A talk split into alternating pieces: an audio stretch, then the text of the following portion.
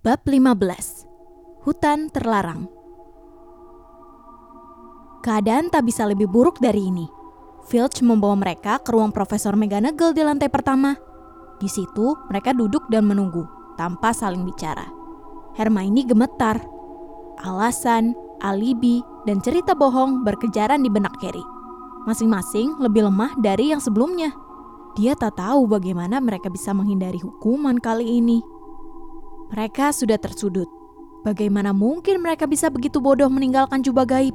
Tak ada alasan di dunia ini yang bisa membuat Profesor McGonagall menerima kenapa mereka tidak tidur dan malah berkeliaran di sekolah pada tengah malam. Apalagi berada di menara astronomi yang paling tinggi, yang dilarang didatangi kecuali untuk pelajaran. Tambah kisah tentang Norbert dan jubah gaib, maka mereka sama saja dengan sudah mengepak koper, siap cabut dari asrama. Apakah Harry berpikir bahwa keadaan tak bisa lebih buruk dari ini? Dia keliru Ketika muncul, Profesor McGonagall membawa Neville. Harry!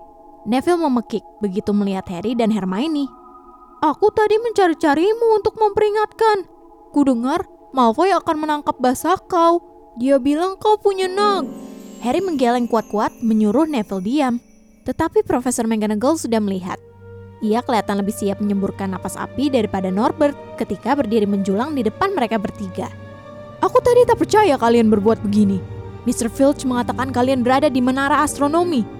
Ini pukul satu pagi. Jelaskan. Ini pertama kalinya Hermione tidak bisa menjawab pertanyaan guru. Dia menunduk menatap sendal. Diam bagai patung. Kurasa aku bisa menduga apa yang terjadi, kata Profesor McGonagall. Tidak perlu orang jenius untuk memecahkan ini. Kalian membualkan cerita bohong tentang naga kepada Draco Malfoy supaya dia meninggalkan tempat tidur dan dihukum. Aku sudah menangkapnya. Kurasa kalian menganggap lucu bahwa Longbottom telah mendengar cerita itu dan mempercayainya. Harry memberi isyarat kepada Neville dengan mata, mencoba memberitahunya tanpa kata bahwa ini tidak benar karena Neville kelihatan kaget dan tersinggung. Kasihan Neville. Harry tahu betul betapa beratnya bagi Neville mencari-carinya dalam gelap untuk memperingatkannya. Aku marah sekali, kata Profesor McGonagall. Empat anak meninggalkan tempat tidur dalam satu malam. Belum pernah ada kejadian semacam ini. Kau, Miss Granger, kukira kau lebih cerdik. Sedangkan kau, Mr. Potter, kukira Gryffindor jauh lebih berarti bagimu daripada semua ini. Kalian bertiga akan menerima detensi. Ya, kau juga Mr. Longbottom. Tak ada yang membuatmu punya hak berkeliaran di sekolah pada malam hari. Terutama hari-hari ini. Berbahaya sekali. 50 angka akan dipotong dari Gryffindor. 50? Harry kaget. Mereka tak lagi akan memimpin. Sia-sialah hasil kemenangannya dalam pertandingan Quidditch yang terakhir. Masing-masing 50, kata Profesor McGonagall. Bernapas berat lewat hidungnya yang panjang runcing. Profesor, tolong. Anda tak bisa... Jangan mengajari aku apa yang aku bisa atau tak bisa lakukan, Potter.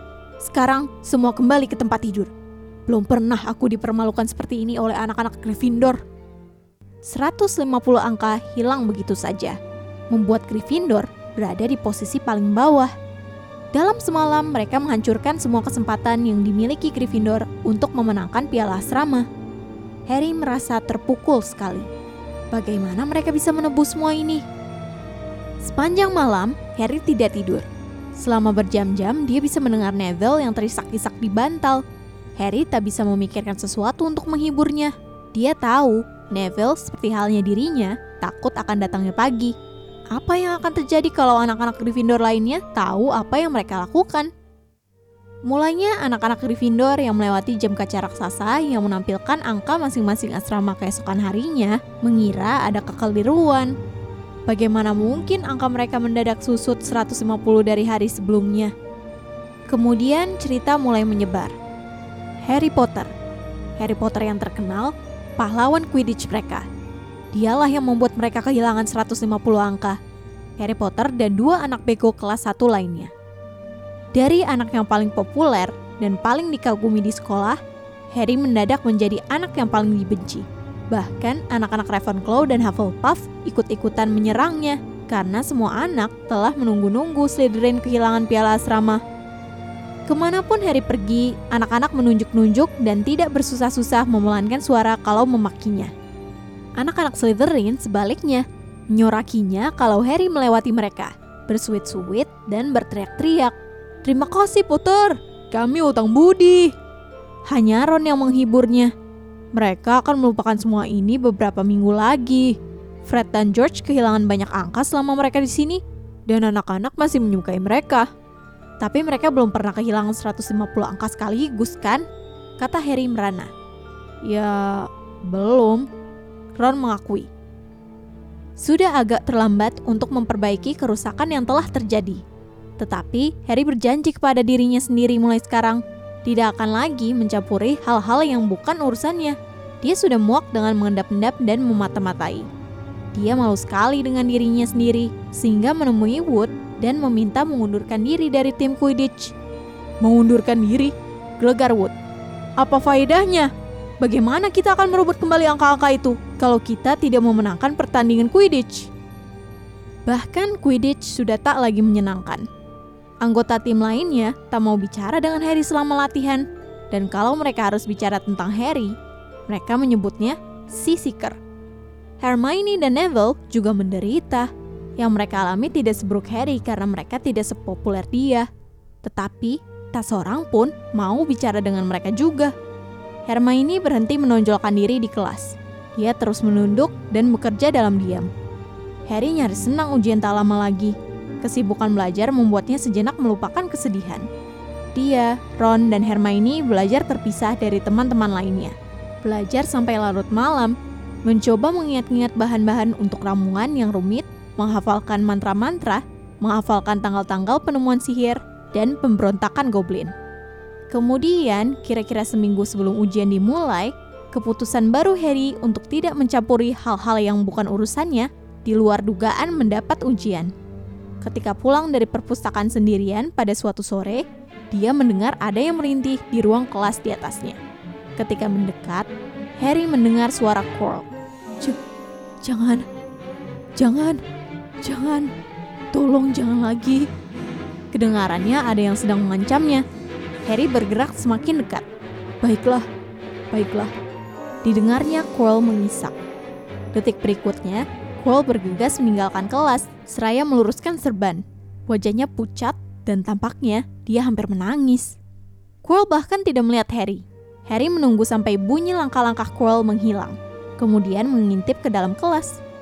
Kosong, tapi ada pintu yang terbuka sedikit di ujung satunya. Harry sudah separuh jalan menuju pintu itu. Ketika ingat janjinya kepada diri sendiri untuk tidak ikut campur urusan orang lain. Meskipun demikian, dia bersedia mempertaruhkan 12 batu bertuah bahwa Snape baru saja meninggalkan ruangan. Dan dari apa yang baru didengarnya, Snape pastilah berjalan dengan langkah ringan. Agaknya Quirrell akhirnya menyerah. Harry kembali ke perpustakaan. Hermione sedang membantu Ron belajar astronomi dengan mengajukan berbagai pertanyaan. Harry memberitahu mereka apa yang baru saja didengarnya. Snape berhasil kalau begitu, kata Ron. Kalau Quirrell sudah memberitahunya bagaimana memusnahkan mantra anti sihir hitamnya, tapi masih ada Fluffy, kata Hermione. Mungkin Snape sudah tahu cara melewati Fluffy tanpa bertanya pada Hagrid, kata Ron, memandang ribuan buku yang mengelilingi mereka. Berani taruhan, di salah satu buku di sini pasti tertulis bagaimana melewati anjing berkepala tiga. Jadi, apa yang kita lakukan, Harry? Binar petualangan bersinar lagi di mata Ron. Tetapi Hermione menjawab sebelum Harry sempat buka mulut. Pergi ke Dumbledore. Itu seharusnya kita lakukan sejak dulu. Kalau kita mencoba bertindak sendiri, jelas kita akan dikeluarkan. Tapi kita tak punya bukti, kata Harry. Quirrell terlalu takut untuk mendukung kita. Snape tinggal bilang tak tahu bagaimana Troll bisa masuk pada malam Halloween dan bahwa dia tak berada dekat-dekat lantai tiga. Menurut kalian, siapa yang akan dipercaya? Dia atau kita? Kan bukan rahasia kita membencinya. Dumbledore akan mengira kita mengarang-arang supaya Snape dipecat. Filch jelas tidak akan mau membantu kita. Dia sahabat dekat Snape. Dan menurut pendapatnya, semakin banyak murid yang dikeluarkan, semakin baik. Dan jangan lupa, kita sebetulnya tidak boleh tahu tentang batu itu ataupun Fluffy. Itu bakal perlu penjelasan panjang. Hermione kelihatannya bisa diyakinkan, tetapi Ron tidak. Kalau kita menyelidiki sedikit, tidak, kata Harry datar. Kita sudah terlalu banyak menyelidiki dan ikut campur. Harry menarik peta Jupiter ke arahnya dan mulai menghafal nama bulan-bulannya. Keesokan paginya, sepucuk surat dijatuhkan di meja sarapan untuk Harry, Hermione, dan Neville. Isinya semua sama. Lutensimu akan berlangsung pukul 11 malam ini. Temui Mr. Filch di aula depan. Prof. M. McGonagall. Dalam kehebohan gara-gara begitu banyak angka yang dipotong dari Gryffindor, Harry lupa mereka masih harus menjalani detensi. Dia mengira Hermione akan mengeluh karena mereka akan kehilangan waktu belajar semalam. Tetapi Hermione diam saja. Seperti Harry, dia merasa mereka pantas mendapat hukuman itu. Pukul 11 malam itu, mereka mengucapkan selamat tinggal kepada Ron di ruang rekreasi dan pergi ke aula depan bersama Neville. Filch sudah ada, begitu pula Malfoy. Harry juga sudah lupa bahwa Malfoy pun mendapat detensi. Ikut aku, kata Filch seraya menyalakan lampu dan mengajak mereka keluar. Taruhan, setelah ini kalian pasti berpikir dua kali dulu sebelum melanggar peraturan sekolah ya. Dia menyeringai kepada mereka. Oh iya, kerja keras dan penderitaan adalah guru yang paling baik. Kalau kalian tanya padaku, sayangnya mereka tidak memakai lagi cara hukuman yang dulu. Menggantung kalian pada pergelangan tangan dari atap selama beberapa hari. Rantainya masih ada di kamarku. Ku menyakit terus. Siapa tahu suatu kali diperlukan lagi. Baik, ayo kita berangkat. Dan jangan coba-coba kabur. Makin parah lagi nanti bagi kalian. Mereka menyeberangi lapangan gelap. Neville terus terisak. Harry bertanya-tanya hukuman apa yang akan dijatuhkan kepada mereka. Pasti sesuatu yang mengerikan. Kalau tidak, Filch tidak akan sesenang ini. Bulan bersinar terang, tetapi awan-awan yang melintasinya berkali-kali membuat mereka berjalan dalam kegelapan. Di depan, Harry bisa melihat jendela-jendela pondok Hagrid yang menyala. Kemudian dari kejauhan mereka mendengar suara. Kaukah itu Filch? Cepat, aku mau mulai. Semangat Harry bangkit. Jika ada Hagrid, keadaan tidak terlalu buruk. Kelegaannya pastilah tampak di wajahnya.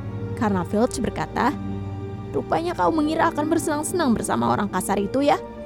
Pikir lagi nak, kalian akan dibawa ke hutan. Dan aku keliru sekali kalau mengira kalian semua berhasil keluar utuh nanti. Mendengar ini, Neville merintih dan Malfoy berhenti berjalan. Hutan, dia mengulang, dan suaranya tidak sesombong biasanya. Kita tidak boleh ke sana di malam hari. Ada macam-macam di sana. Manusia serigala aku dengar. Neville mencengkram dengan jubah Harry dan mengeluarkan suara tersedak. Salah kalian sendiri kan? Kata Filch. Suaranya serak saking senangnya. Mestinya ingat soal manusia serigala itu sebelum melanggar peraturannya kan? Hagrid berjalan ke arah mereka dari kegelapan. Feng membuntuti. Dia membawa busur besarnya dan sekantong anak panah tergantung di bahu. Sudah waktunya, katanya. Aku sudah tunggu setengah jam. Baik-baik saja, Harry, Hermione. Jangan terlalu ramah pada mereka, Hagrid, kata Filch dingin. Mereka kan akan dihukum. Itu sebabnya kau telat kan? Kata Hagrid kepada Filch dahinya berkerut. Tadi kau marahi mereka ya? Bukan kewajibanmu. Tugasmu sudah selesai. Biar kau ambil alih sekarang. Aku akan kembali besok pagi, kata Filch. Untuk mengambil entah apa yang tersisa dari mereka. Dia menambahkan dengan menyebalkan sebelum akhirnya berbalik dan berjalan kembali ke kastel. Lampunya terayun-ayun dalam gelap. Malfoy sekarang menoleh kepada Hagrid. Aku tak mau masuk hutan itu, katanya. Dan Harry senang mendengar nada panik dalam suaranya. Harus, kalau kau mau tetap di Hogwarts, kata Hagrid galak. Kau sudah lakukan kesalahan, dan sekarang harus bayar. Tapi ini untuk kelas pelayan, bukan untuk pelajar. Kukira kami akan disuruh menulis atau yang semacamnya. Kalau ayahku tahu aku dihukum begini, dia akan bilang padamu memang begitulah di Hogwarts geram Hagrid. Menulis? Apa gunanya? Kau akan lakukan sesuatu yang berguna.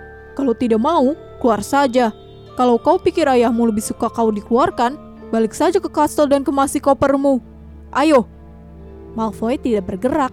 Dia memandang Hagrid dengan marah, tetapi kemudian menunduk. Baiklah, kata Hagrid. Sekarang dengar baik-baik, karena apa yang akan kita lakukan malam ini berbahaya, dan aku tak mau ada yang ambil resiko. Ikut aku ke sini dulu. Dia membawa mereka sampai ke tepi hutan. Seraya mengangkat lampu tinggi-tinggi, Dia menunjuk jalan tanah setapak sempit dan berkelok-kelok yang menghilang di antara pepohonan besar-besar dan gelap. Angin sepoi menerbangkan rambut mereka ketika mereka memandang ke dalam hutan. Lihat di sana, kata Hagrid. Lihat yang berkilau di tanah itu, yang keperakan. Itu darah unicorn. Di dalam ada unicorn yang luka parah. Entah digigit apa. Ini kedua kalinya dalam seminggu. Aku temukan satu unicorn mati Rabu lalu kita akan cari makhluk malang itu. Mungkin kita harus bebaskan dia dari penderitaannya. Dan bagaimana kalau entah apa yang menggigit unicorn itu lebih dulu menemukan kita? Kata Malfoy, tak sanggup menyembunyikan ketakutan dari suaranya. Tak ada satupun di hutan yang akan melukaimu kalau kau bersamaku atau Feng, kata Hagrid. Dan ikuti jalan ini. Baik, sekarang kita bagi menjadi dua rombongan dan kita ikuti jejak kedua arah yang berlainan. Ada bercak darah di mana-mana. Paling tidak si unicorn sudah berkeliaran kesakitan sejak semalam.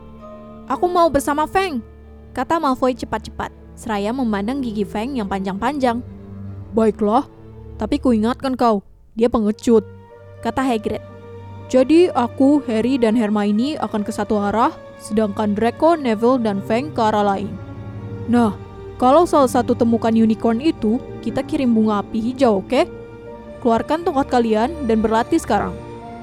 Bagus. Dan kalau ada yang dapat kesulitan, kirim bunga api merah dan kami semua akan datang cari kalian. Jadi, hati-hatilah. Ayo berangkat. Hutan gelap dan sunyi. Tak lama kemudian, jalan tanah itu bercabang. Harry, Hermione, dan Hagrid menuju ke kiri, sedang Malfoy, Neville, dan Fang ke kanan.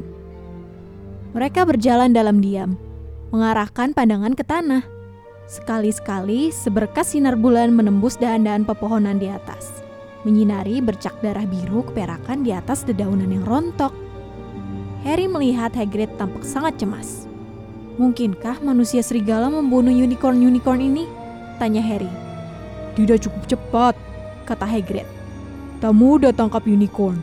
Mereka makhluk magis yang kekuatannya luar biasa.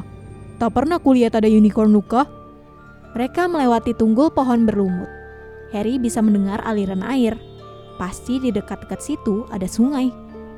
Masih tampak bercak-bercak darah unicorn di sana-sini di sepanjang jalan berkelok itu. Kau tahu apa-apa, Hermione? Hagrid berbisik. Jangan khawatir, dia tak bisa pergi jauh-jauh kalau lukanya separah ini. Dan nanti kita bisa me... Kebalik pohon itu! Hagrid menyambar Harry dan Hermione dan menarik mereka ke belakang pohon ek besar. Ditariknya sebatang anak panah dan dipasangnya pada busur, siap diluncurkan. Ketiganya mendengarkan. Sesuatu menggeleser di atas daun-daun yang gugur di dekat situ. Kedengarannya seperti jubah yang terseret di tanah. Hagrid menyipitkan mata memandang jalan gelap. Tetapi setelah beberapa detik, bunyi itu semakin jauh. Aku tahu, Hagrid bergumam. Ada sesuatu di sini yang seharusnya tidak ada. Manusia serigala, Harry mengusulkan. Itu bukan manusia serigala dan bukan unicorn juga, kata Hagrid muram. Baik, ikuti aku. Tapi hati-hati sekarang. Mereka berjalan lebih lambat, memasang telinga untuk menangkap bunyi paling pelan sekalipun. Mendadak, di lapangan terbuka di depan mereka, jelas-jelas sesuatu bergerak. Siapa itu? Teriak Hagrid. Perlihatkan dirimu, aku bersenjata. Dan ke tempat terbuka itu muncullah apakah itu manusia atau kuda? Sampai pinggang dia manusia dengan rambut dan janggut merah. Tetapi di bawah itu, tubuh kuda coklat berkilau dengan ekor panjang kemerahan. Harry dan Hermione ternganga. Oh, kau rupanya Ronan, kata Hagrid lega. Apa kabar? Hagrid maju dan menjabat tangan Centaurus itu. Selamat malam, Hagrid, kata Ronan. Suaranya dalam dan sedih. Apa kau tadi mau memanahku? Tak ada salahnya hati-hati, Ronan, kata Hagrid, membelai busurnya. Ada sesuatu yang jahat keliaran di hutan ini. Ini Harry Potter dan Hermione Granger, murid Hogwarts. Dan ini Ronan anak-anak, dia Centaurus. Kami sudah melihat, kata Hermione lemah. Selamat malam, kata Ronan. Kalian pelajar ya? Banyak yang kalian pelajari di sekolah? Hmm, sedikit. kata Hermione malu-malu. Sedikit ya lumayan.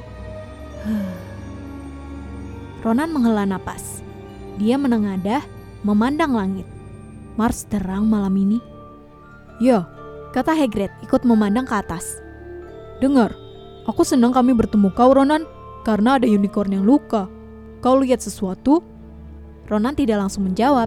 Dia menatap ke atas tanpa berkedip, kemudian menghela napas lagi.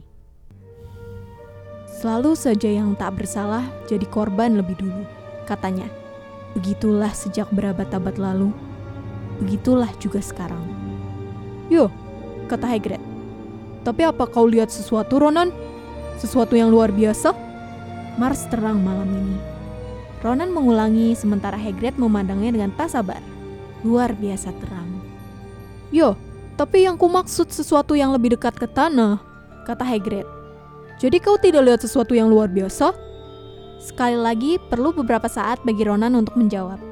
Akhirnya dia berkata, Hutan ini menyembunyikan banyak rahasia. Gerakan di pepohonan di belakang Ronan membuat Hagrid mengangkat busur lagi. Tetapi ternyata hanya Centaurus kedua, bertubuh dan berambut hitam, dan kelihatan lebih liar daripada Ronan, Halo, Bane. kata Hagrid. Kau tahu apa-apa? Selamat malam Hagrid, kuharap kau baik-baik saja. Cukup baik? Begini, aku baru saja menanyai Ronan. Kalian lihat sesuatu yang aneh di sini belakangan ini? Bane maju berdiri di sebelah Ronan. Dia menatap ke langit. Mars terang malam ini. Cuma itu katanya. Kami sudah dengar, Kata Hagrid sebal.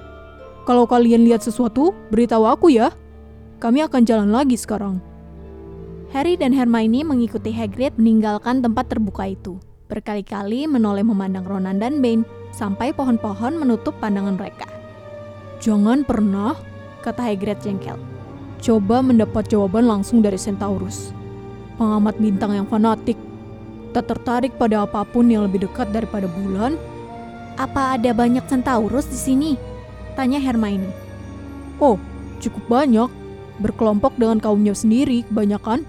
Tetapi mereka bersedia muncul kalau aku perlu bicara. Mereka pemikir, Centaurus itu. Mereka banyak tahu, cuma tidak banyak bicara. Apakah menurutmu yang kita dengar tadi sebelum ketemu Ronan adalah Centaurus? Tanya Harry. Apa kedengarannya seperti langkah kaki kuda bagimu? Bukan menurutku. Tadi itu yang bunuh unicorn. Belum pernah dengar yang seperti itu. Mereka berjalan terus menembus pepohonan yang rapat dan gelap. Harry berkali-kali menoleh ke belakang dengan cemas. Dia punya perasaan tak enak bahwa mereka diawasi. Dia senang Hagrid dan busurnya bersama mereka. Mereka baru saja membelok ketika Hermione mencengkram lengan Hagrid.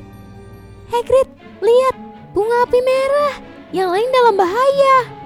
Kalian berdua tunggu sini. Teriak Hagrid. Tetap di jalan ini. Nanti aku kembali. Mereka mendengar bunyi berkerasak ketika Hagrid menerobos belukar. Keduanya saling pandang, sangat ketakutan, sampai tak bisa mendengar apa-apa lagi kecuali gesekan daun-daun di sekitar mereka. Menurutmu, apakah mereka terluka? Bisik Hermione. Aku tak peduli kalau Malfoy luka, tetapi kalau terjadi sesuatu pada Neville, salah kita lah dia ada di sini. Menit demi menit berlalu lambat. Telinga mereka rasanya lebih tajam daripada biasanya. Harry merasa bisa mendengar setiap desah angin, setiap derik ranting. Apa yang terjadi? Di mana yang lain?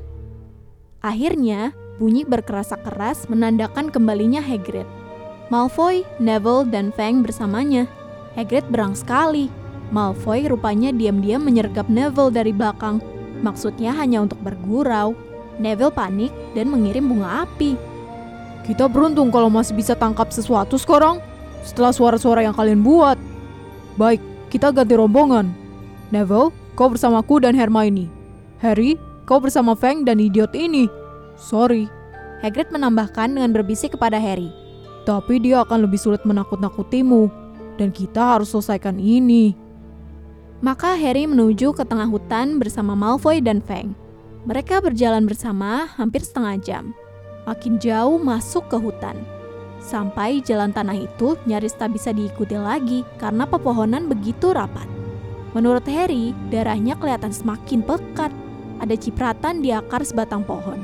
Seakan makhluk malang itu berputar-putar kesakitan di dekat situ. Lewat celah di antara cabang-cabang pohon ek tua, Harry bisa melihat tanah terbuka di depan mereka. Lihat, gumamnya, merentangkan tangan untuk menghentikan Malfoy. Sesuatu yang putih terang berkilauan di tanah. Mereka beringsut mendekat. Ternyata memang unicorn, dan dia sudah mati. Belum pernah Harry melihat sesuatu yang seindah dan sesedih itu. Kakinya yang ramping panjang mencuat janggal di tempat dia terjatuh, dan surainya yang putih berkilau menjurai bagai mutiara di atas daun-daun yang gelap. Harry sudah maju selangkah mendekatinya, ketika bunyi menggeleser membuatnya terpaku di tempat. Semak di tepi tempat terbuka itu bergetar. Kemudian, dari bayang kegelapan, muncul sosok berkerudung. Merangkak di tanah, seperti binatang yang sedang mendekati mangsanya. Harry, Malfoy, dan Fang berdiri terpaku. Sosok berkerudung itu tiba di samping unicorn, menundukkan kepala ke arah luka di sisi tubuh unicorn, dan mulai menyeruputi darahnya. Ah! Malfoy menjerit ngeri dan melesat kabur. Begitu juga Fang. Sosok berkerudung itu mengangkat kepala dan memandang lurus pada Harry. Darah unicorn menetes-netes di bagian depan tubuhnya. Dia berdiri dan berjalan cepat mendekati Harry. Harry sendiri tak bisa bergerak saking takutnya. Kemudian rasa sakit menusuk kepalanya. Belum pernah Harry merasakan sakit sepedih ini. Seakan bekas lukanya terbakar. Setengah buta dia terhuyung ke belakang. Didengarnya bunyi tapak kuda di belakangnya. Lari berderap dan sesuatu melompatinya. Menerjang sosok itu. Sakit di kepala Harry tak tertahankan lagi dia jatuh berlutut. Satu dua menit kemudian barulah rasa sakit itu lenyap. Ketika Harry mendongak, sosok itu telah lenyap. Centaurus berdiri di depannya. Bukan Ronan ataupun Bane. Yang ini kelihatan lebih muda. Rambutnya pirang dan tubuh kudanya berbulu putih. Kau tak apa-apa? Tanya si Centaurus seraya membantu Harry berdiri. Ya, terima kasih. Tadi itu apa? Si Centaurus tidak menjawab. Mata birunya luar biasa, seperti batu safir pucat. Dia memandang Harry dengan teliti. Matanya lama terpancang pada bekas luka hitam kelabu yang tampak nyata di dahi Harry. Kau Harry Potter, katanya. Sebaiknya kau kembali pada Hagrid. Hutan tidak aman pada saat ini, terutama untukmu. Kau bisa naik kuda supaya lebih cepat. Namaku Firenze. Katanya menambahkan seraya menekuk kaki depan berlutut agar Harry bisa naik ke punggungnya. Mendadak terdengar lebih banyak derap kaki kuda dari sisi lain tanah terbuka. Ronan dan Bane muncul dari balik pepohonan, terengah-engah dan berkeringat. Firenze, gelegar Bane. Apa yang kau lakukan? Ada manusia di punggungmu. Sungguh kau tak tahu malu. Memangnya kau bagal angkut biasa? Sadarkah kalian siapa ini? Kata Firenze. Ini Harry Potter. Lebih cepat dia meninggalkan hutan ini, lebih baik. Kau cerita apa saja kepadanya? Ben menggeram. Ingat Firenze, kita sudah disumpah untuk tidak mencampuri urusan langit. Bukankah kita sudah membaca apa yang akan terjadi di pergerakan planet-planet? Ronan mengais-ngais tanah dengan gelisah. Aku yakin Firenze melakukan yang menurutnya baik, kata Ronan dengan suaranya yang sedih. Bane menyentakkan kaki belakangnya dengan berang. Terbaik, apa kaitannya dengan kita? Centaurus berurusan dengan apa yang telah diramalkan. Bukan tugas kita untuk berkeliaran seperti keledai, menyelamatkan manusia yang tersesat di hutan kita. Firenze mendadak berdiri di atas kaki belakangnya dengan gusar, sehingga Harry harus berpegangan pada bahunya supaya tidak jatuh. Apa kalian tidak melihat unicorn itu? Firenze berteriak kepada Bane. Apa kau tidak mengerti kenapa dia dibunuh? Atau apakah planet-planet tidak memberitahukan rahasia itu kepadamu? Aku akan melawan apa yang bersembunyi di hutan ini, Bane. Ya, bersama manusia kalau perlu. Dan Firenze berputar. Dengan Harry mencengkram bahunya sebisa mungkin, mereka masuk ke antara pepohonan, meninggalkan Ronan dan Bane. Harry sama sekali tidak mengerti apa yang terjadi. Kenapa Bane begitu marah? Dia bertanya. Kau menyelamatkanku dari makhluk apa?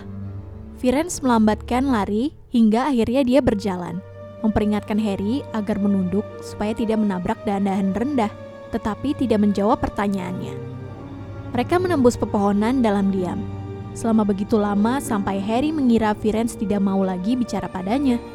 Mereka sedang melewati pepohonan yang sangat rapat ketika Firenze tiba-tiba berhenti.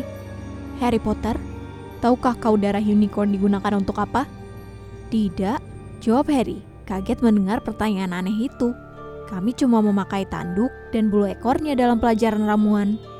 Itu karena membunuh unicorn adalah perbuatan yang amat keji, kata Firenze. Hanya orang yang tak akan rugi, malah sangat diuntungkan yang mau melakukan kejahatan semacam itu. Darah unicorn akan membuatmu tetap hidup, bahkan kalau kau sudah tinggal sejengkal dari kematian. Tetapi harga yang harus dibayar mengerikan sekali. Kau membunuh sesuatu yang murni dan tak berdaya untuk menyelamatkan dirimu. Dan kau hanya akan setengah hidup, hidup yang terkutuk. Begitu darah unicorn menyentuh bibirmu. Harry menatap bagian belakang kepala Firenze yang berkilau keperakan tertimpa cahaya bulan. Tetapi siapa yang begitu putus asa? Tanyanya.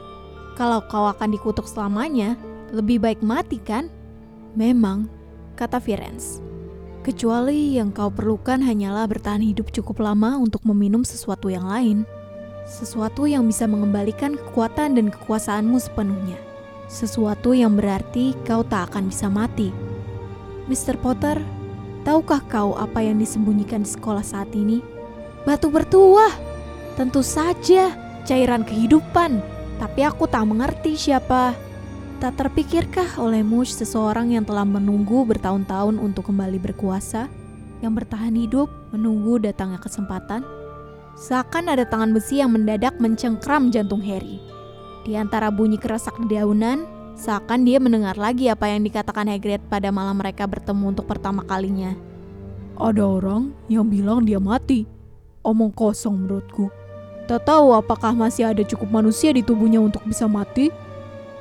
Maksudmu? Kata Harry serak. Tadi itu Vol... Harry! Harry! Kau tahu apa-apa? Hermione berlari ke arah mereka. Hagrid terengah-engah di belakangnya. Aku baik-baik saja, kata Harry, hampir tak memahami apa yang diucapkannya. Unicornnya mati Hagrid, di tanah kosong di belakang sana. Sekaranglah saatnya aku meninggalkanmu. Firenze bergumam sementara Hagrid bergegas memeriksa unicorn. Kau sudah aman sekarang. Harry meluncur turun dari punggungnya. Semoga selamat Harry Potter, kata Firenze. Planet-planet pernah ditafsirkan secara keliru, bahkan oleh Centaurus. Kuharap ini salah satu di antara kekeliruan itu. Firenze berbalik dan melangkah kembali ke dalam hutan, meninggalkan Harry gemetar di belakangnya. Ron tertidur di ruang rekreasi yang gelap, menunggu mereka pulang. Dia mengigau, meneriakan sesuatu tentang pelanggaran dalam pertandingan Quidditch ketika Harry mengguncangnya keras-keras, membangunkannya. Dalam beberapa detik saja, matanya sudah terbuka lebar ketika Harry mulai bercerita kepadanya dan Hermione tentang apa yang terjadi di hutan. Harry tak bisa duduk, dia mondar-mandir di depan perapian. Dia masih gemetar. Snape menginginkan batu bertua itu untuk Voldemort, dan Voldemort menunggu di hutan. Dan selama ini kita mengira Snape hanya sekedar ingin kaya. Jangan ucapkan lagi nama itu, bisik Ron ketakutan, seakan dia mengira Voldemort bisa mendengar mereka. Harry tidak mendengarkan.